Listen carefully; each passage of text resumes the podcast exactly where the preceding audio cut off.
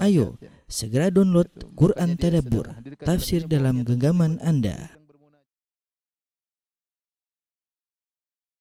Ta'ala dalam rangka untuk saling mengingatkan, dalam rangka untuk mempelajari ayat-ayat Allah Subhanahu wa taala. Dan uh, sebagaimana yang disepakati insyaallah kajian kita akan uh, membahas tentang tafsir juz amma, tafsir juz amma. Uh, tafsir juz amma atau juz amma adalah juz yang spesial ya karena uh, dia adalah juz yang ke-30 uh, di mana uh, juz 30 itu mencakup surat-surat yang pendek salah satu dari uh, apa namanya surat-surat mufassal ya mufassal itu adalah surat-surat yang pendek yang ayat-ayatnya juga pendek ya. Berbeda dengan seperti surat di awal Al-Qur'an seperti surat Al-Baqarah yang sangat panjang, kemudian surat Ali Imran, surat An-Nisa, Al-Maidah, kemudian eh, surat Al-An'am, surat Al-A'raf yang disebut dengan Sab'at Tiwal yaitu surat yang sangat panjang ya. ya kemudian Al-Anfal dan seterusnya. Ada nama istilahnya surat Al-Mufassal. Surat Al-Mufassal itu mufassal artinya yang terputus-putus ya. Mufassal ya karena dia terpotong-potong karena suratnya pendek dan ayatnya juga pendek-pendek. Ya. Dimulai dari surat Qaf, ada yang mengatakan surat Hujurat atau dari surat Qaf sampai surat An-Nas. Sampai surat An-Nas itu disebut dengan surat mufassal dan inilah surat-surat yang biasanya dihafalkan oleh para imam dan biasanya orang-orang juga kalau mau menghafal Quran mereka mulai dari surat ini ya. Biasanya uh, misalnya saya dulu waktu ketika mulai mulai menghafal Quran, demikian juga anak-anak ketika mulai menghafal Quran, mereka menghafal mulai dari surat mufassal yaitu dari surat An-Nas sampai surat Qaf atau surat Al-Hujurat. Nanti sudah selesai baru mereka mulai dari surat Al-Baqarah. Ini metode saja. Kenapa? Karena surat mufassal itu pendek, eh, eh, eh kemudian ayat-ayatnya pendek juga dan mudah untuk dihafal dan sering dibaca oleh para imam di masjid-masjid ya, terutama juz 30. Jadi saya ulangi surat mufassal dari juz 26 yaitu surat Al-Hujurat terus sampai akhir dari surat juz 30 yaitu surat An-Nas. Nah, penting bagi kita ya untuk mulai menghafalkan surat-surat dalam Al-Qur'an terutama juz 30 ya. Maka saya uh, memberi motivasi kepada para pemirsa sekalian agar menyisihkan waktu untuk menghafalkan surat-surat dalam juz amma. Itu bukan perkara yang sulit. Ya. Yang penting mau. Yang penting mau. Kalau tidak mau ya semuanya sulit. Ya. Tapi kalau mau insya Allah mudah. Dan itu perlu misalnya untuk memotivasi hal tersebut misalnya mendatangkan guru. Atau kita mungkin dalam musim pandemi ini kita mungkin bikin grup. Kemudian kita memilih seorang guru untuk kita setoran. Dia ngajarin kita tajwid dan juga kita setoran terhadap surat-surat tersebut. Nanti kita enggak kerasa setiap hari kita hafal satu ayat atau enggak usah enggak usah terlalu sulit dalam seminggu kita hafal dua ayat misalnya. Terus berjalan waktu seminggu, dua minggu, sebulan, tahu-tahu kita sudah punya hafalan surat yang baru. Dan kalau orang sudah memiliki hafalan surat, dia akan semangat melaksanakan ibadah solat. Dia semangat solat malam, dia semangat solat rawatib, ya, dia semangat solat solat sunnah. Kenapa? Dia ingin membaca ayat tersebut. Apalagi kalau ternyata dia mengerti kandungan dari ayat-ayat tersebut. Ini menjadikan dia semakin merasa nyaman dalam solatnya.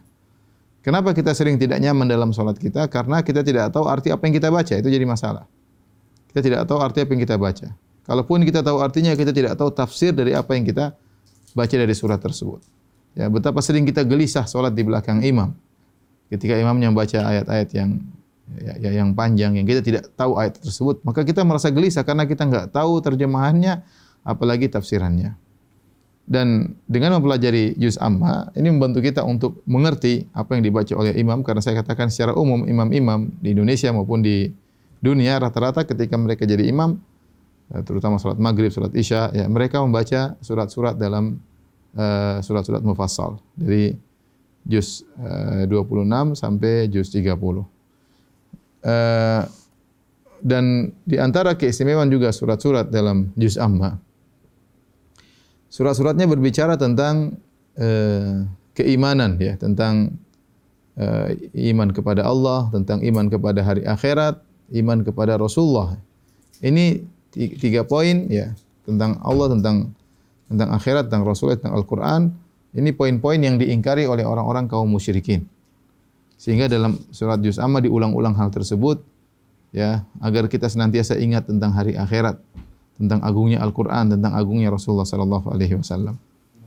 Karena uh, juz amma suratnya banyak ya. Kita coba pada hari ini kita mulai dengan surat yang pendek ya. Nanti baru kemudian kita mulai dengan surat yang panjang. Pada kesempatan kali ini saya ingin mengajak para pemirsa yang dirahmati oleh Allah Subhanahu wa taala kita coba mempelajari kandungan surat Al-Ikhlas ya. Kandungan surat Al-Ikhlas. Uh, surat Al-Ikhlas adalah surat ya, tiga surat yang terakhir yaitu Al-Ikhlas, kemudian Al-Falaq, kemudian An-Nas ya. Surat Al-Ikhlas. Al-Ikhlas dalam bahasa Arab dari khalusa yang artinya murni. Khalusa itu sama dengan artinya murni. Adapun al-ikhlas ah, artinya pemurnian. Pemurnian. Uh, perhatikan, meskipun namanya surat al-ikhlas, tetapi kenyataannya dalam surat tersebut tidak ada kata al-ikhlas. Tidak ada kata al-ikhlas. Kita tahu biasanya nama-nama surat itu diambil dari satu kata yang ada dalam surat tersebut, ya. Seperti surat Al-Baqarah. Dalam Al-Qur'an innallaha ya'murukum an tasbahu baqarah. Ada kata baqarahnya. Ya, biasanya demikian, ya. Seperti surat Ali Imran, ya. Ada kata Ali Imran. Ya, dan seterusnya. Al-Ikhlas ini ternyata kita baca kul huwallahu ahad, Allahus samad, lam yalid wa lam yulad wa lam yakul lahu kufuwan ahad, tidak ada kata Al-Ikhlas sama sekali. Kalau begitu kenapa disebutkan dengan nama Al-Ikhlas? Apa sebab penamaan dengan nama surat Al-Ikhlas? Ya. Surat Al-Ikhlas. Artinya pemurnian. Karena surat ini turun, sebagaimana Bapak dan Ibu bisa lihat halaman 702 dan 703 ya. Di buku Juz Amma, halaman 703 dan seterusnya. bahwasanya surat ini sebab nuzulnya Sebab nuzul maksudnya turunnya yaitu orang-orang musyrikin datang kepada Nabi sallallahu alaihi wasallam kemudian orang musyrik berkata orang-orang musyrik berkata ya Muhammad unsub lana rabbak mereka berkata ya Muhammad unsub lana rabbak. Yang artinya wahai Muhammad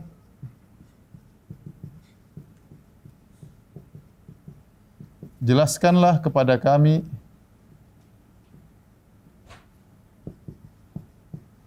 kepada kami sifat-sifat Rabbmu.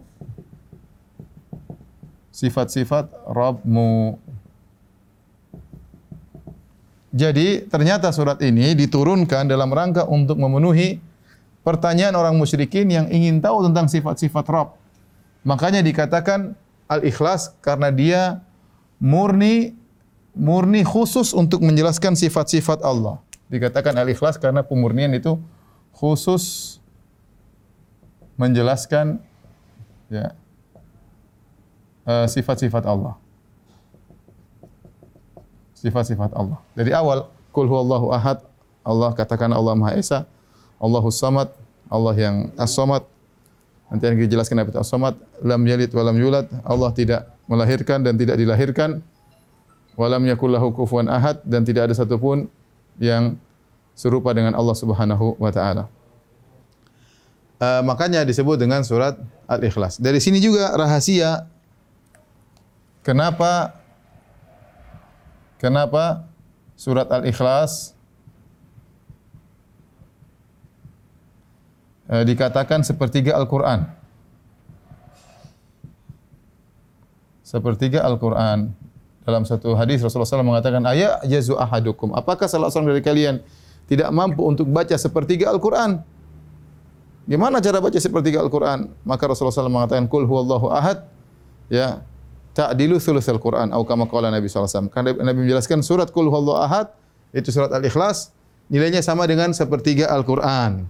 Ya sepertiga Al-Quran kenapa sepertiga kenapa sepertiga Karena Al-Quran, ya, Karena Al-Quran terdiri atas tiga poin penting. Ya. Al-Quran tiga poin pertama tentang masalah uh, penjelasan sifat-sifat Allah.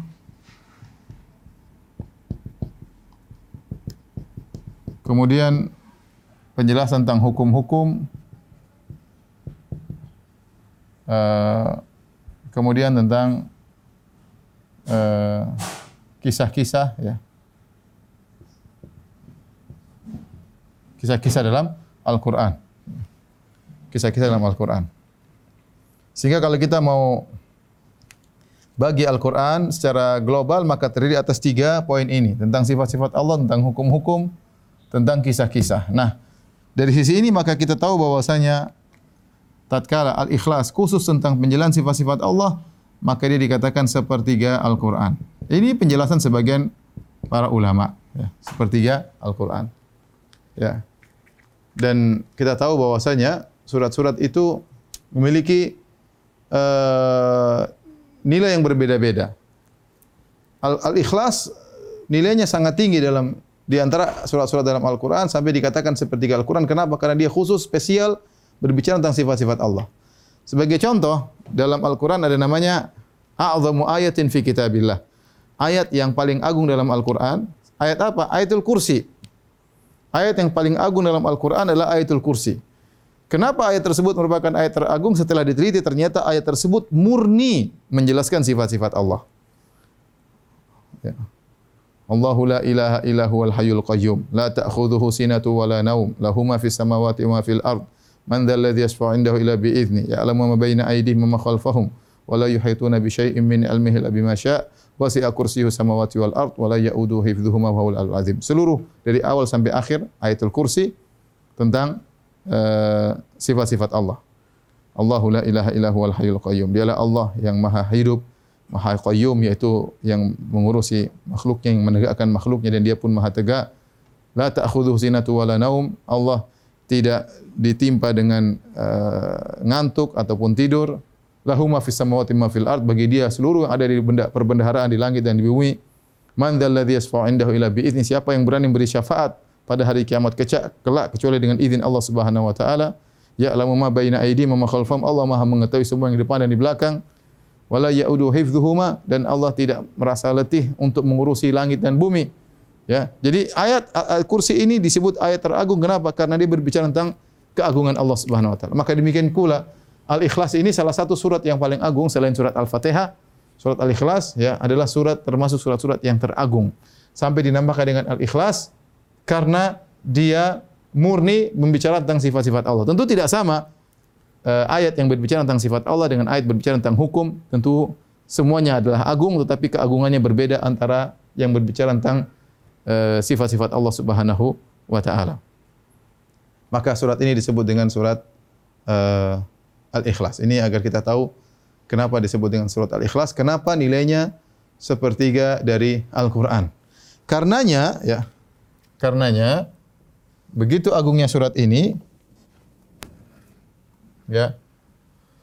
Keutamaan kita bicara tentang keutamaan surat ini.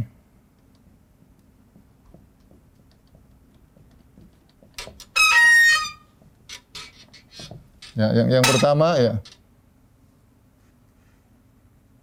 Banyak ya keutamaannya yang pertama ya sepertiga Al-Qur'an.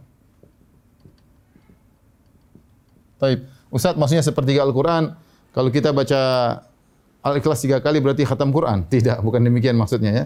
Jangan sampai dipahami sepertiga Al-Quran berarti kalau kita baca Al-Ikhlas tiga kali khatam Quran. Kamu sudah khatam, saya khatam Quran sehari. Gimana caranya? Baca Qul Allah tiga kali. Bukan begitu ya. Tapi maksudnya tadi sepertiga itu begini maksudnya.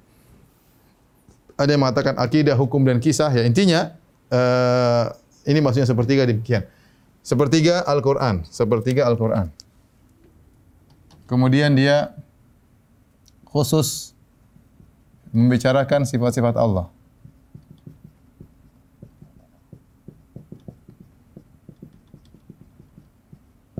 Kemudian yang berikutnya ya eh, sangat sering dibaca oleh Nabi. Dibaca oleh Rasulullah wasallam oleh Nabi. kita baca Al-Ikhlas coba dalam satu hari berapa? Bayangkan ya. Saya ingin kita saya, saya ingin mengajak para uh, para pemirsa untuk menghitung kita dalam sehari kita baca surat Al-Ikhlas uh, berapa kali? Coba. Ya. Pertama kita baca dua rakaat sebelum subuh disunahkan kita baca surat Al-Ikhlas ya kalau kita bangun tidur. Uh, kemudian kapan lagi? Setelah solat maghrib kita dianjurkan untuk baca surat Al-Ikhlas solat di solat di solat ba'diyah maghrib yaitu pertama baca qul al-kafirun kemudian rakaat kedua baca Al-Ikhlas. Kemudian juga tatkala witir kita dianjurkan baca rakaat pertama sabbihisma rabbikal a'la kemudian rakaat kedua kita baca uh, qul ya al-kafirun rakaat ketiga kita baca surat Al-Ikhlas. Kemudian kita dianjurkan baca surat Al-Ikhlas ya uh, setiap kali habis solat kita dianjurkan baca surat Al-Ikhlas ya. Ya, baca surat Al-Ikhlas tiga kali ya, dengan qul a'udzu birabbil falaq dengan qul a'udzu birabbin nas. Kemudian kita dianjurkan juga baca surat Al-Ikhlas sebelum tidur. Kita baca surat Al-Ikhlas. Kemudian juga uh, kalau kita tawaf maka kita juga baca setelah tawaf kita baca surat Al-Ikhlas ya. Belum kita juga dianjurkan baca surat Al-Ikhlas di zikir pagi. Dan juga kita dibaca Al-Ikhlas di zikir petang. Jadi sudah berapa ini banyak ada sekitar tujuh delapan paling tidak kita baca surat Al-Ikhlas uh, delapan tempat ya. Saya ulangi. Dua rakaat sebelum subuh kita baca surat Al-Ikhlas satu. Kemudian dua rakaat setelah maghrib kita baca surat Al-Ikhlas. Witir kita baca surat Al-Ikhlas. Uh, kemudian sebelum tidur kita baca Al-Ikhlas. Uh, kemudian tatkala kita zikir pagi kita baca Al-Ikhlas tiga kali ya. Tiga kali berarti delapan. Zikir petang kita baca surat Al-Ikhlas juga tiga kali sudah sepuluh. Belum habis setiap solat. Setiap solat kita baca surat Al-Ikhlas tiga kali. Ya. Berarti tiga kali lima, lima belas. Berarti kita baca paling tidak dua puluh lima kalau kita ingin mengajar, menjalankan sunnah Nabi Sallallahu Alaihi Wasallam. Jadi boleh kita katakan ya sangat sering dibaca oleh Nabi Sallallahu Alaihi Wasallam surat Al-Ikhlas. Ya. Saya perinci lagi dua rakaat di solat Ba'diyah, di solat solat Qobliyah subuh. Kemudian solat Ba'diyah maghrib.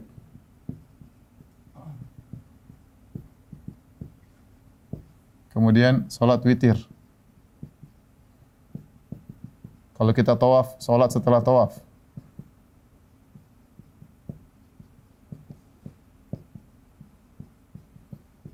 Kemudian kita baca lagi ya.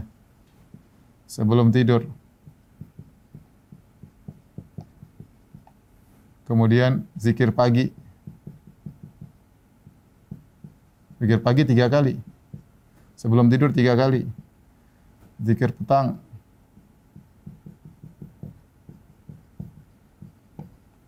Tiga kali. Kemudian setelah solat fardu.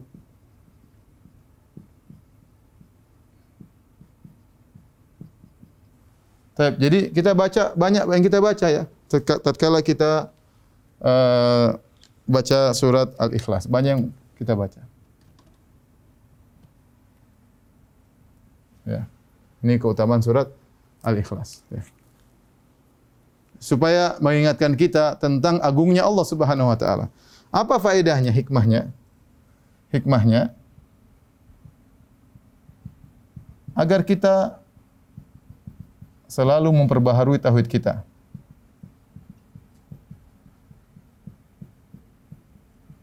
Tauhid kita. Kenapa bisa demikian para pemirsa yang dirahmati Allah Subhanahu wa taala? Karena ternyata ternyata ternyata isi surat Al-Ikhlas atau surat Al-Ikhlas surat Al-Ikhlas menjelaskan tentang syarat-syarat Tuhan.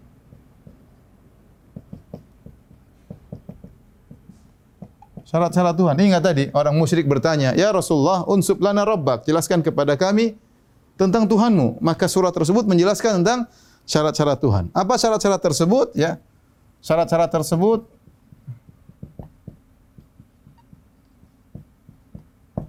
Yang pertama, apa? Qul huwallahu ahad. Allah Maha Esa. Qul huwallahu ahad. Kemudian Allahu Samad. Yaitu Allah As-Samad yaitu tidak membutuhkan kepada yang lainnya. Tidak butuh kepada yang lain. Dan yang lain membutuhkan kepadanya.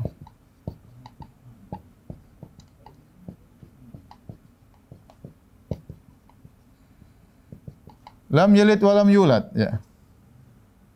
Tidak beranak, tidak beranak, tidak dilahirkan. Yang keempat, lam ya walam yakun lahu kufuwan ahad. Tidak ada yang serupa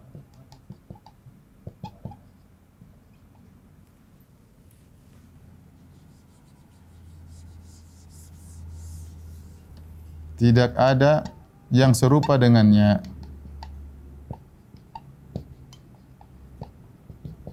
Nah, ini ya uh, syarat Tuhan ya. Kalau kita mau kasih nomor satu, dua,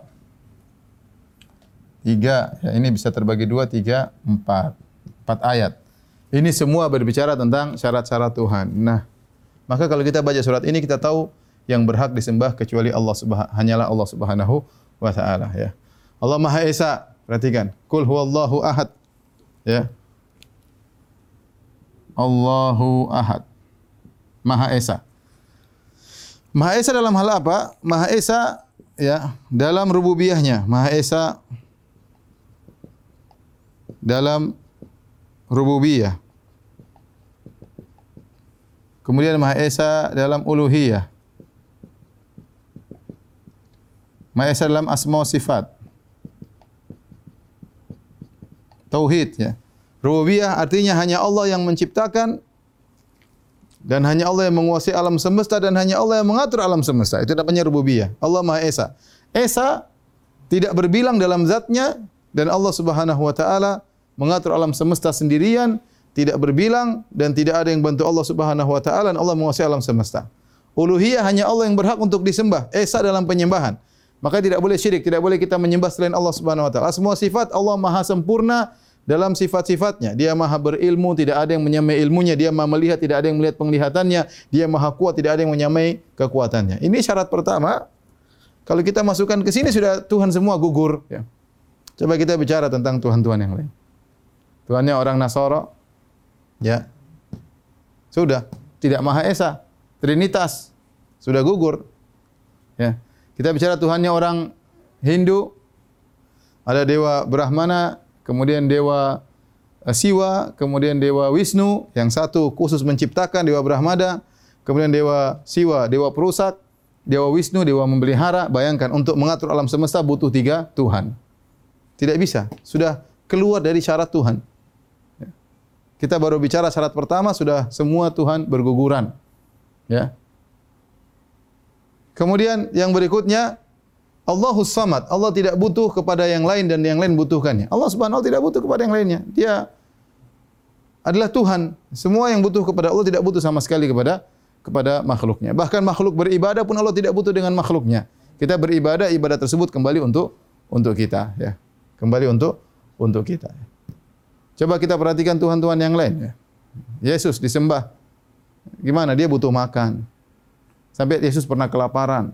Dia butuh istirahat, makanya dia pernah tidur sampai dibangunkan oleh murid-muridnya waktu di kapal. Bangun, enggak bangun-bangun. Dia butuh istirahat, butuh makan.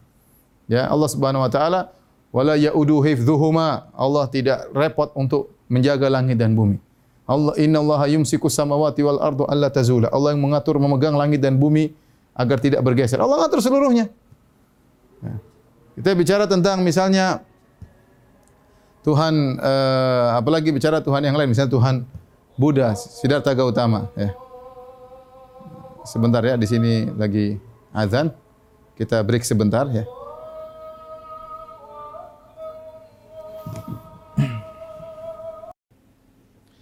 Taib para pemirsa yang dirahmati Allah Subhanahu wa taala kita lanjutkan uh, jadi uh, yang kedua Allah tidak butuh kepada yang lain dan yang lain butuhkannya. Saya katakan tadi bahwasanya uh, ini syarat Tuhan yang kedua yang tidak dipenuhi oleh Tuhan-Tuhan yang uh, yang lain ya. Seperti uh, kalau misalnya tadi Trinitas, Tuhan satu butuh dengan Tuhan yang lain. Dewa perusak butuh kepada dewa pencipta. Kalau nggak ada yang cipta dia mau ngerosakin apa ya. Kemudian ke dewa pemelihara membutuh dewa pencipta untuk bisa memelihara. Dewa, pen, dewa pencipta tidak bisa memelihara, dia butuh kepada dewa pemelihara. Dan seperti itu, dan itu bukan ciri-ciri Tuhan. Ya. Tadi saya katakan seperti Yesus ketika disembah, padahal dia butuh istirahat, dia butuh makan, dia butuh pertolongan ketika dikejar-kejar sama orang Yahudi. Kemudian dia berkata, Ya Ilya, Ilya lima syabaktani, kenapa kau tinggalkan aku, hai bapakku. Dia sendiri butuh kepada yang lainnya. Ya. Kemudian ciri berikutnya tidak beranak dan tidak dilahirkan. Kalau dia beranak, kalau Tuhan itu beranak, berarti dia tidak esa lagi. Berarti tidak esa lagi.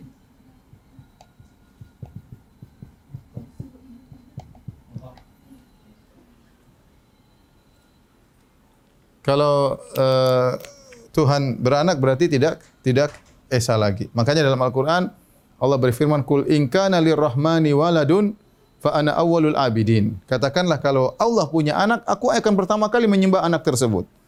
Kalau Allah Tuhan punya anak, berarti Tuhan butuh anak dan konsekuensi Tuhan butuh pasangan. Tuhan butuh pasangan dan ini tidak sesuai dengan as-samad. Berarti Tuhan tidak esa. Kalau punya anak berarti Tuhan tidak esa. Terus berarti butuh butuh uh, pasangan ya anaknya anaknya sama dengan bapaknya. Ya. Bapaknya. Dan juga Tuhan tidak dilahirkan, ya, Tuhan dilahirkan. Kalau Tuhan dilahirkan, berarti Tuhan akan mati. Kalau dilahirkan, berarti akan mati. Akan menuju ketiadaan. Karena dia sebelumnya tidak ada, kemudian dilahirkan. Kalau dia bermula dari dilahirkan, maka dia akan menuju pada kematian. Dan itu bukan ciri-ciri Tuhan. Dan yang terakhir, tidak ada yang serupa dengannya. Ya, Kata Allah, Laisa kamithli syai' Ini juga syarat agar dia, agar Tuhan, ya, ya, uh, maha, maha, ya, dalam kesendiriannya. Tidak ada yang setara dengan dia. Ya, kalau kita masukkan Tuhan-Tuhan yang lain, maka tidak memenuhi persyaratan ini. Inilah makanya surat Al-Ikhlas. Ya, ini kenapa dibaca begitu banyak, sering diulang-ulang, karena ini isinya adalah tauhid dan e, mengingatkan kita untuk selalu memperbarui ke, pentauhidan kita kepada Allah Subhanahu wa taala. Dan kita tahu bahwasanya sembahan-sembahan selain Allah sembahan-sembahan yang yang batil. Dan ini Surat ini bantahan terhadap miliaran manusia yang mereka menyembah Nabi Isa alaihissalam. Kita tahu orang Nasara miliaran. Mungkin lebih banyak daripada orang-orang Islam. Tapi mereka tersesat. Mereka menganggap Tuhan dilahirkan itu Nabi Isa atau Tuhan melahirkan punya anak. Ya Allah Subhanahu wa taala. Makanya Allah Subhanahu wa taala murka dalam diskusi kata Allah Subhanahu wa taala, "Syatamani ibnu Adam wa lam yakun lahu dzalik." anak Adam mencaci makiku dan dia tidak berhak untuk mencaci maki aku. Dia tidak berhak untuk mencaci maki aku. Ya, coba uh, para pemirsa silakan buka biar bukunya dibaca ya. silakan buka halaman 712. Halaman 712 ya. 712 di tengah-tengah ya ada hadis hadis ini Syatamani ibnu Adam hadis Abu Hurairah. Mereka manusia telah mencelaku. Wa ma yang bagilahu an yashtum yang yashtumani dan tidak pantas bagi baginya anak Adam untuk mencelaku. Ya. Kemudian kata Allah Subhanahu wa taala, "Amma syatmuhu adapun dia mencelaku faqulu innali waladan." Dia berkata aku punya anak. Ini Allah murka, Allah dianggap bahwasanya orang yang mengatakan Allah punya anak berarti mencela Allah. Ya, tadi konsekuensinya punya anak berarti Allah ya, berarti tidak esa, butuh pasangan dan anaknya akan bakalan sama dengan Allah. Berarti Allah tidak esa lagi. Berarti ini pencelaan terhadap Allah Subhanahu wa taala.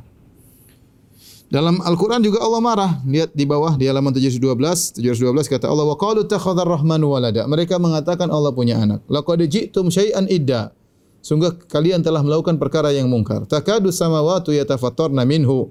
Hampir langit-langit terbelah gara-gara perkataan tersebut wa tanshaqqul ardu dan bumi akan terbelah wa takhirul jibalu hadda dan hampir gunung akan hancur. Kenapa anda ulir rahmani walada tatkala mereka mengatakan Allah punya anak? Wa ma yanbaghi lirrahmani ayattakhidha walada. Tidak pantas bagi Allah untuk punya anak. Kenapa? In kullu man fis samawati wal ardi illa ati rahmani abda. Karena seluruh yang ada di langit dan di bumi, malaikat, jin, manusia, siapapun akan datang kepada Allah sebagai hamba. Tidak bukan sebagai anak, semuanya hamba. Bagaimana hamba Allah dijadikan sebagai anak Allah Subhanahu wa taala? Ini bayangkan penyimpangan diyakini oleh miliaran manusia. Orang-orang Nasara dikafirkan bukan karena mereka membunuh, bukan karena mereka berakhlak buruk, bukan karena mereka berzina, bukan. Mereka dikafirkan oleh Allah gara-gara mereka mengatakan Allah punya anak. Atau mereka mengatakan Allah satu dari yang tiga. Laqad kafara alladziina qalu innallaha salisu salasa. Sungguh telah kafir orang yang mengatakan uh, Allah adalah satu dari yang tiga. Laqad kafara alladziina qalu innallaha huwal masih ibnu Maryam. Sungguh telah kafir orang yang mengatakan Allah adalah Isa. Di sini juga Allah murka tatkala mengatakan Allah punya punya anak. Kaburat kalimatan takhruju min afwahim iyaquluna illa kadhiba. Kata Allah sungguh buruk ya perkataan yang keluar dari mulut mereka tatkala mereka mengatakan Allah punya anak iyaquluna illa kadhiba. Mereka tidak berkata kecuali hanya kedustaan. Meskipun demikian, Allah tetap memberikan rezeki kepada mereka. Lihat halaman 712 bagian atas. Kata Nabi SAW, Ma ahadun asbaru ala adhan sami'ahu minallah. Yadu'una lahu walad, thumma yu'afihim wa yarzukuhum. Tidak ada yang lebih sabar daripada Allah.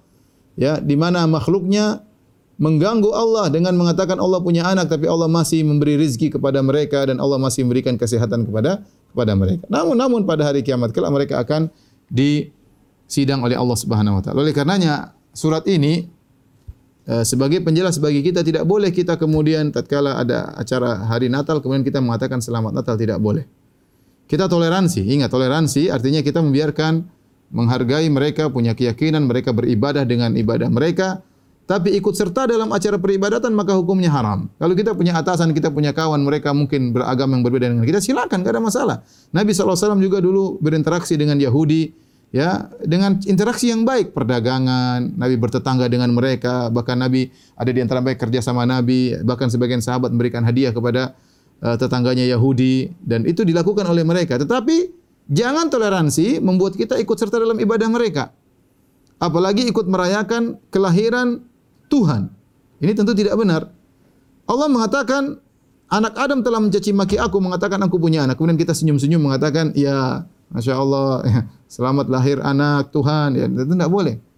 Bukankah selamat Natal artinya selamat lahir Isa sebagai anak? Ya, Tuhan. Tentu. Kalau lahir Nabi Isa sebagai Nabi, mereka tidak mau mengatakan demikian. Orang-orang Nasara tatkala merayakan hari Natal bukan merayakan lahirnya Nabi Isa sebagai Nabi, bukan. Tapi lahirnya Nabi Isa sebagai Tuhan. Maka kita dalam hidup bernegara, kita toleransi dengan mereka, tapi tidak perlu ikut-ikutan. Justru itu yang disebut dengan toleransi. Toleransi itu apa? Menjaga perbedaan dengan menghormati yang lain. Ya, kita menjaga kita punya Islam, punya ajaran, mereka juga punya ajaran. Ya. Mereka juga tidak mau meyakini Nabi Muhammad sebagai Nabi. Ya, ya sudah, masing-masing. Masing-masing. Ya, tetapi toleransi tidak mengharuskan kita ikut serta beribadah bersama mereka, kemudian berhaleluya sama mereka. Tidak. Ya, kita uh, punya keyakinan sendiri. Oleh karena hati-hati para pemirsa yang dirahmati Allah Subhanahu wa taala, kita toleransi tapi jangan sampai kita kebablasan akhirnya kita ikut serta merayakan hari pencaci makian Allah Subhanahu wa taala di mana meyakini Allah punya anak yaitu pada ketika hari hari Natal ya. Inilah surat Al-Ikhlas ya, Al-Ikhlas. Nanti Bapak dan Ibu bisa baca lebih detail ya tentang makna masing-masing surat tetapi tadi sudah saya singgung Qul Ahad artinya Allah Maha Esa, Maha Esa dalam segalanya. Kemudian Allahus Samad yaitu Allah yang tidak butuh kepada siapapun dan semuanya butuh kepada Allah Subhanahu wa taala. Lam yalid walam yulad, Allah tidak melahirkan dan Allah tidak dilahirkan. Walam yakul lahu kufuwan ahad dan Allah tidak ada sesuatu pun yang serupa dengan dia ya. dan itulah syarat-syarat Tuhan yang tidak memenuhinya kecuali hanya Tuhan kita Allah Subhanahu wa taala. Uh, demikian ya uh, ini pertemuan kita pertama tentang tafsir insyaallah kita mulai dari surat-surat pendek sebelum kita Eh, masuk pada surat-surat panjang. Mudah-mudahan insyaallah pertemuan berikutnya kita akan bahas, bahas langsung dua surat, surat Al-Ikhlas dan surat An-Nas biiznillah taala. Kalau ada yang bertanya saya persilahkan wallahu taala alam bisawab. Terima kasih Ustaz Firanda. Khairan. Uh, buat Bapak Ibu, monggo silakan mau melakukan apa menyampaikan pertanyaan melalui chat atau eh, bisa langsung mungkin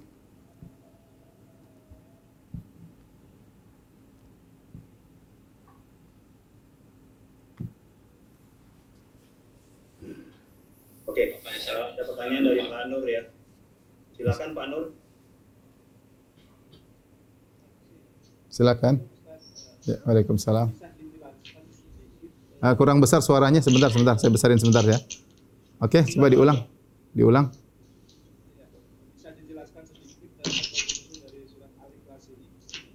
Aduh, enggak jelas ya. Gimana? Coba diulang. Eh, so, mic-nya bisa didekatin. Bisa dijelaskan sedikit tentang asbabun nusul dari surat Al-Ikhlas, Ustaz? Eh, adapun asbabun nuzul surat Al-Ikhlas tadi eh, kita sudah singgung ya, yaitu bahwasanya sebagian orang-orang musyrikin mereka datang kepada Nabi sallallahu alaihi wasallam kemudian mereka berkata, "Ya Rasulullah, ya Muhammad unsub lana rabbak." Wahai Muhammad, jelaskan kepada kami sifat Rabbmu. Silakan dibuka halaman 708. Halaman 708 ya dari juz amma yaitu orang-orang musyrikin datang kepada Nabi berkata unsub lana rabbak ya. Ya Muhammad ya eh, jelaskan kepada kami Rabb kami. Maka turunlah surat Al-Ikhlas sebagai jawaban dari pertanyaan mereka sehingga Allah menjelaskan tentang sifat-sifat Tuhan ya. Yaitu kalau Allah samad lam yalid walam yakul lahu kufuwan ahad. Itu sebab nuzul surat ini yang disebutkan oleh para ulama dan hadis itu diriwayatkan oleh Imam Tirmizi ya dalam sunannya. Wallahu alam bisawab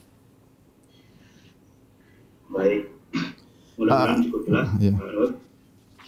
Berikutnya silakan bila ada pertanyaan lebih lanjut.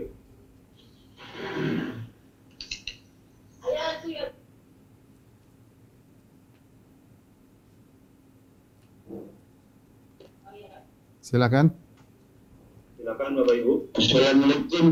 Waalaikumsalam warahmatullahi wabarakatuh ya silakan mau tanya di apa di luar materi Ustaz. Tidak apa-apa, tidak apa, tidak apa.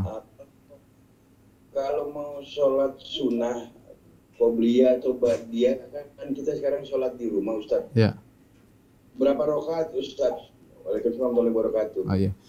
Uh, jadi berkaitan dengan solat qobliyah, solat qobliyah memiliki waktu. Waktu pelaksanaan solat qobliyah harus setelah masuk waktu solat. Jadi kita tidak boleh solat qobliyah kecuali misalnya qobliyah zuhur, tidak boleh kita kerjakan kecuali setelah masuk waktu solat zuhur yaitu setelah adzan zuhur. Demikian juga kita tidak boleh solat qobliyah subuh kecuali masuk waktu solat subuh. Kalau terbit fajar sudah terbit fajar maka kita baru boleh qobliyah uh, uh, subuh. Ini qobliyah. Dan ada adapun ba'diyah yaitu kita kerjakan setelah kita setelah kita uh, uh, solat. Tolong dihapus saya mau jelaskan tentang rawatib secara sederhana ya. Secara rawatib secara sederhana biar nanti bapak-bapak dan ibu-ibu bisa mengerjakan dengan dengan baik ya. Dalam satu hadis Rasulullah SAW bersabda, "Man shalla sintai rak'ata asyrah fil yaumi wa lailah banallahu bihinna baitan fil jannah." Barang siapa yang salat 12 rakaat sehari dan semalam, maka Allah akan bangunkan bagi dia istana di surga. Nah, 12 rakaat ini yang di yang dianjurkan ini disebut dengan solat rawatib. Ya, kenapa disebut dengan rawatib? Karena dia solat rutin yang mengikuti uh, solat-solat fardu ya sebelum dan sesudahnya dan dia jumlahnya adalah 12 rakaat ya. Taib, uh, solat-solat rawatib ya. Pertama ada zuhur, zuhur, kemudian asar, kemudian maghrib, isya, kemudian subuh. E, berkaitan dengan zuhur, maka dia ada qobliyah dan ba'diyah ya. Qobliyah kemudian ba'diyah. Kemudian maghrib ada namanya ba'diyah. Isya juga ada ba'diyah.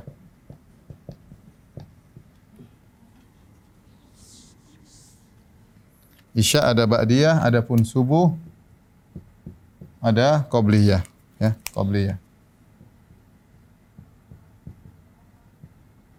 Baik. Adapun qabliyah zuhur maka du, boleh dua rakaat pilihan ya.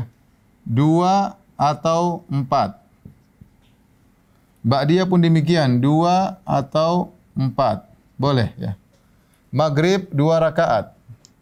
Isya dua rakaat, subuh dua rakaat. Ya.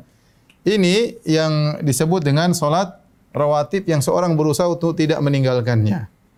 Saya ingatkan kembali kalau qobliyah ada dua, qobliyah zuhur sama qobliyah subuh itu dikerjakan setelah masuk waktu uh, solat. Jadi misalnya ibu-ibu di rumah kalau sudah dengar azan dikumandangkan maka silakan solat qobliyah. Bapak juga demikian. Sekarang kita tidak ke masjid misalnya sudah ada azan kita boleh solat qobliyah. Misalnya ibu-ibu ingin solat duhur jam 2. Kan waktu solat duhur panjang dari sekitar jam 12 sampai jam 3. Kalau dia solat duhur jam 2, boleh enggak qobliyah? Boleh, enggak apa-apa. Qobliyah dulu baru kemudian solat duhur. Kita pun sekarang kita enggak ke masjid misalnya karena masih pandemi. Kita mau solat duhur jam jam setengah dua, kita boleh qobliyah dulu baru kemudian solat duhur. Enggak ada masalah. Tapi tidak boleh kita solat qobliyah sebelum azan misalnya. Tidak boleh kita solat qobliyah subuh sebelum azan subuh. Karena itu masih waktu solat witir. Nah, ini disebut dengan ini disebut dengan solat rawatib. Ini solat rawatib. Ya. Artinya Rasulullah SAW benar-benar perhatian terhadap solat-solat ini. Di sana ada solat-solat sunnah yang lain. Solat-solat sunnah yang lain saya kasih warna merah. Misalnya sini empat rakaat atau dua rakaat dua atau empat rakaat sebelum asar. Maghrib juga boleh. Ada juga namanya dua rakaat. Isya juga boleh. Dua rakaat sebelum. Ya, kalau subuh tidak boleh sama sekali. Ya. Kenapa? Ini solat-solat ini karena Rasulullah SAW pernah bersabda dalam hadis kata Rasulullah SAW, ya bainal adanain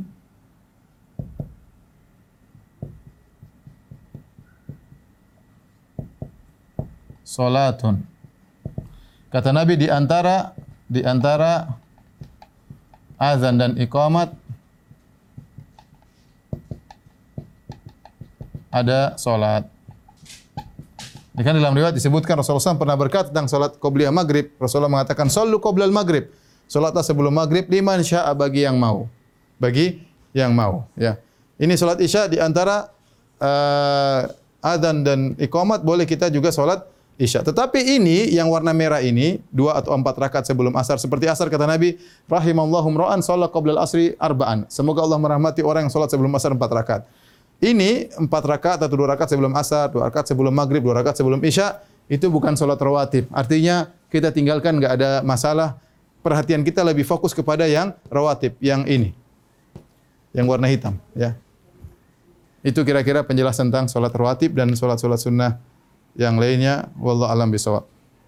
Ada pertanyaan lagi? Uh, dari Pak Edwil, silakan Pak Edwil. Pak Edwil Suzandi.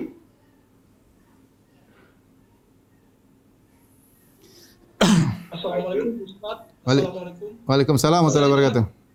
Bisa, bisa. Ustaz, Ya, kedengaran. tadi kan itu yang Ustaz sampaikan bahwa al-ikhlas itu sepertiga dari Al-Quran, tapi tidak diartikan bahwa dengan membaca tiga kali al-ikhlas bahwa kita sudah khatam Al-Quran. Iya, benar ya. Pertanyaan saya, oh ya pertanyaan saya Pak Ustadz, jadi tiga kali makna itu bisa diperjelas nggak Pak Ustadz? Jadi maksudnya dengan makna tiga kali itu apakah pahalanya bisa diasumsikan sama atau tidak Pak Ustadz? Itu aja. Ah. Salam. Eh, wallahu alam bisawab ya. Saya baru dapati penjelasan ulama sepertiga ya itu eh, apa namanya menunjukkan kandungan dan menunjukkan pahala yang agung, menunjukkan pahala yang agung ya. Karena tadi eh, dalam Al-Qur'an ada surat-surat. Namun surat-surat tersebut bertingkat-tingkat pahalanya. Sebenarnya dalam Al-Qur'an ada namanya ayat-ayat. Makanya dia mengatakan ya ayatun a- a- apa ala ayatan a'zama ayatin fi kitabillah. Nabi pernah berkata kepada Abdul Munzir yaitu Ubay bin Ubay bin Ka'ab, "Maukah aku ajarkan kepada engkau ayat teragung dalam Al-Qur'an?" Semua ayat agung, tapi ada yang teragung. Nah, teragung tersebut berkaitan dengan kandungannya, yaitu kandungannya adalah surat Ayatul Kursi karena berbicara tentang sifat-sifat Allah. Maka demikian juga surat Al-Ikhlas ini tentu pahalanya besar. Pahalanya besar, namun apakah dia maknanya sepertiga artinya kita baca surat Al-Ikhlas sekali seperti pahalanya baca 10 juz. Ini yang saya tidak tahu Allah alam bisawab tetapi yang jelas pahalanya besar sampai Nabi mengatakan dengan sepertiga Al-Qur'an ya.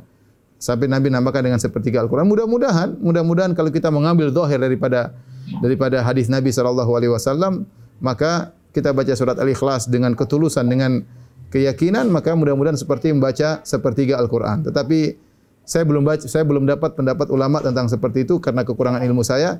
Yang saya baru dapati mereka bahas dari sisi uh, kandungan makna karena kandungannya sangat agung sampai dianggap seperti sepertiga Al-Quran. Wallah alam bisawab. Baik, syukur Ustaz, Bapak Khairan. Uh, masih ada waktu, uh, silakan Bapak Ibu. Ini ada pertanyaan lagi Ustaz dari Bapak Akbar Yuda Putra. Uh, mari silakan Pak. Akbar. Pak Akbar. Terima kasih Ustaz. Ya. Terima kasih Pak Faisal. Assalamualaikum warahmatullahi wabarakatuh. Waalaikumsalam warahmatullahi Saya ingin wabarakatuh. menanyakan uh, tentang ini Ustaz bahwa para penghafal Al-Quran itu adalah keluarga Allah. Mohon dijelaskan dengan kaitannya surat Al-Ikhlas ini Ustaz. Kasih. Uh, apa namanya? Uh, Nabi SAW mengatakan ahlul Quran ya ahlullah wa khasatuhu ya.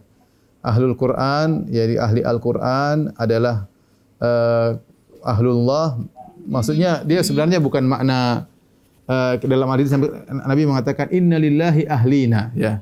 Sungguhnya Allah Subhanahu wa taala memiliki ahlin yaitu keluarga ya. Ya, kemudian Nabi jelaskan bahwasanya ahlul Quran yaitu ahli baca Al-Quran adalah ahlullah wa khasatuhu yaitu maksudnya merupakan orang-orang spesial, orang-orang khusus begitu dekat dengan Allah ya. Sampai sebenarnya ahli itu kan tidak mesti artinya keluarga, tetapi orang-orang yang spesial yang mendekati selalu bersama dengan dengannya. Maka dalam disebut dengan ahlun ya seperti saya bilang ahlul Quran. Apa ahlul Quran artinya orang yang senantiasa berkecimpung dengan Al-Quran. Disebut dengan ahlul Quran. Kenapa? Bukan artinya keluarga Al-Quran tapi dia sering berkecimpung dengan Al-Quran sehingga kata ahlun adalah orang yang uh, dekat dengan sesuatu. Seperti kita bilang ahlul kitab. Ahlul kitab bukan berarti keluarga Alkitab tapi dia adalah umat yang diberikan khusus Al- Alkitab sehingga dekat dengan Alkitab. Maka makna uh, ahlullah bukan berarti keluarga diartikan dengan anak istri bukan, tetapi Nabi mengatakan wa khassatuhu yaitu orang-orang khusus spesial yang dekat dengan Allah Subhanahu wa taala. Ya. Jadi ahlu di situ maksudnya orang-orang dekat spesial dekat dengan Allah Subhanahu wa taala karena makna ahl bukan berarti bermakna keluarga sebagaimana kita pahami tapi memiliki makna yang lain maksudnya adalah kedekatan kepada Allah Subhanahu wa taala. Wallahu alam bisawab. Baik, syukur Ustaz. Ya, sama. Masih ada waktu, Bapak Ibu, silakan. Kalau ada pertanyaan lebih lanjut, terutama terkait materi hari ini, surat Al-Ikhlas. Kalau tidak ada yang kurang jelas atau butuh penjelasan lebih panjang, jelas. Eh,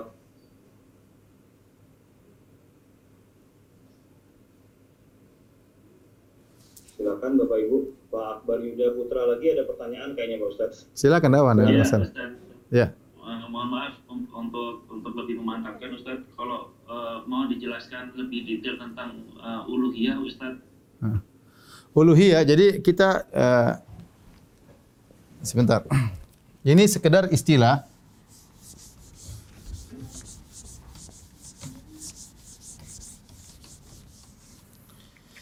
Jadi kita membagi tauhid ya, ini sekedar metode ya, tauhid. Ini metode pembelajaran. Metode belajar. Tauhid kita bagi, tauhid kita jadi bagi tiga. Tauhid namanya tauhid rububiyah. Kemudian uluhiyah. Kemudian asma wa sifat. Itu nama-nama dan sifat-sifat Allah.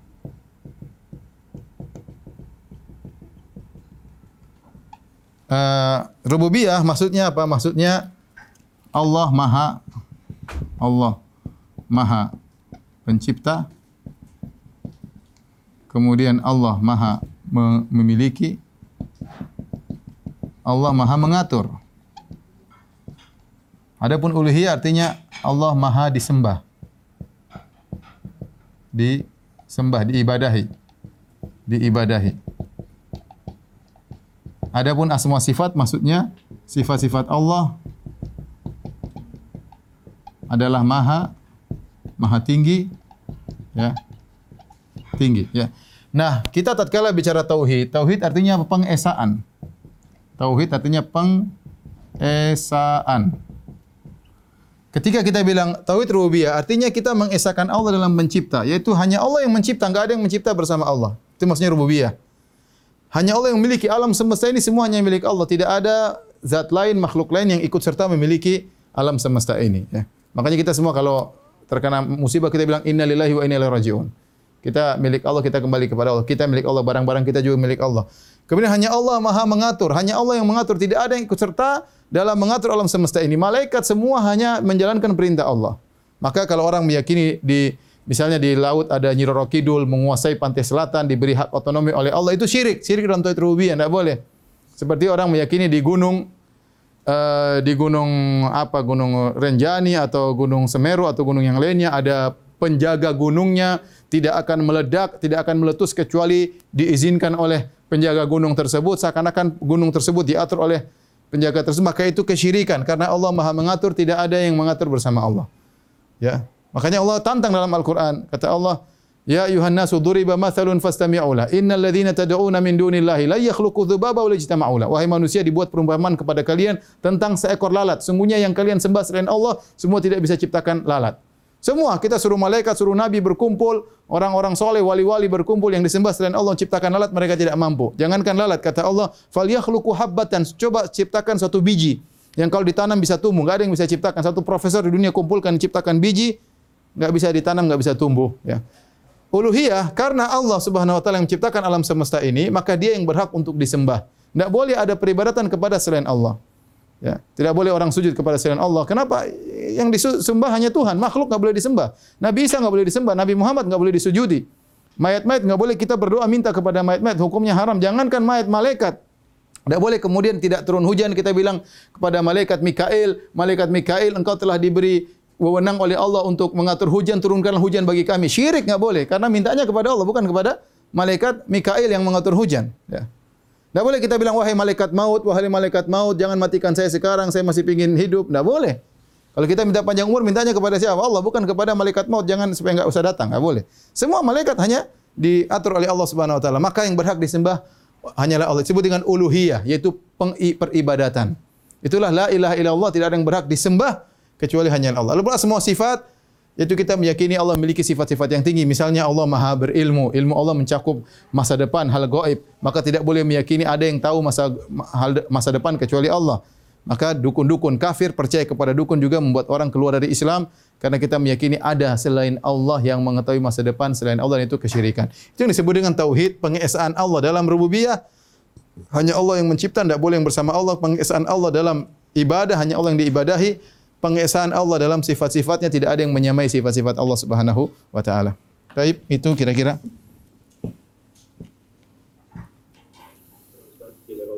Ayakum. Uh, yang lain silakan masih ada waktu sedikit sekitar lima menit. Untuk Bapak Ibu di grup pertanian lain buat informasi saja di hari Jumat pagi kita juga ada kajian khusus membahas kitab tauhid Soleh Fauzan silakan kalau yang mau uh, join dengan kami jam 7 pagi hari Jumat. Silakan Bapak Ibu, bila ada pertanyaan. Assalamualaikum. Waalaikumsalam warahmatullahi wabarakatuh. Waalaikumsalam warahmatullahi wabarakatuh. Silakan. Assalamualaikum warahmatullahi wabarakatuh. Waalaikumsalam. Pak Ustadz, uh, saya mau nanyakan uh, terkait dengan uh, penjelasan juga tentang al-ikhlas. Uh, ada nggak kaitannya surat al-ikhlas ini dengan salah satu surat saya agak lupa mungkin surat, surat Araf kalau nggak saya 172an kalau Mm-hmm. tentang per- pernyataan atau komitmen dari uh, kita ketika masih di dalam janin tentang menyatakan keesaan Allah. Itu Ya. ada hubungannya nggak al-ikhlas dengan surat tersebut? Uh, se- ya. Jadi sebenarnya wa id akhadha rabbuka min bani Adam min dzurriyyatihim ya. Uh, Allah mengatakan alastu bi rabbikum dalam surat Al-Araf ya. Yaitu tatkala Allah mengambil perjanjian dari anak-anak Adam ya. Allah bertanya, "Alastu bi rabbikum?" Qalu bala, syahidina. Apakah aku adalah Tuhan kalian? Mereka mengatakan, "Iya, kami mengakui." Ini disebut dengan mithaq, perjanjian antara manusia setiap ruh diambil janjinya oleh Allah Subhanahu wa taala.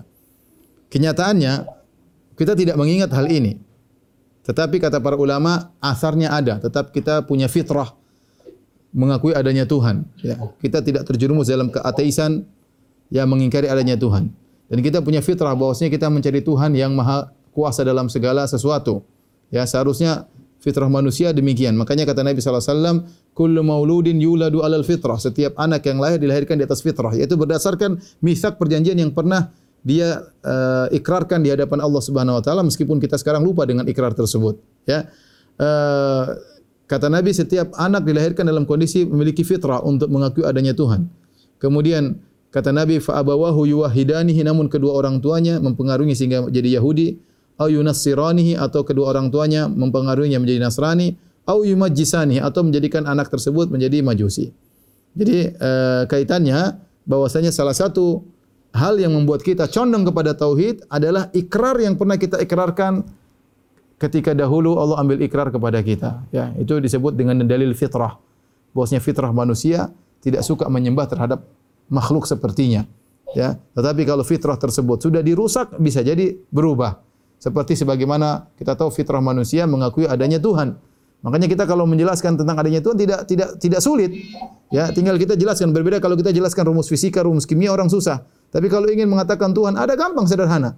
Kenapa orang mudah terima? Karena ada fitrahnya yang pernah Allah uh, tancapkan ke dalam hatinya. Namun kalau fitrah tersebut rusak bisa rusak. Kemasukan syubhat begitu banyak, kemasukan filsafat begitu banyak, akhirnya dia ragu dengan adanya Tuhan, akhirnya dia yakin Tuhan tidak ada sehingga terjerumus dalam kesyirikan atau kekufuran. Allah alam bisawab.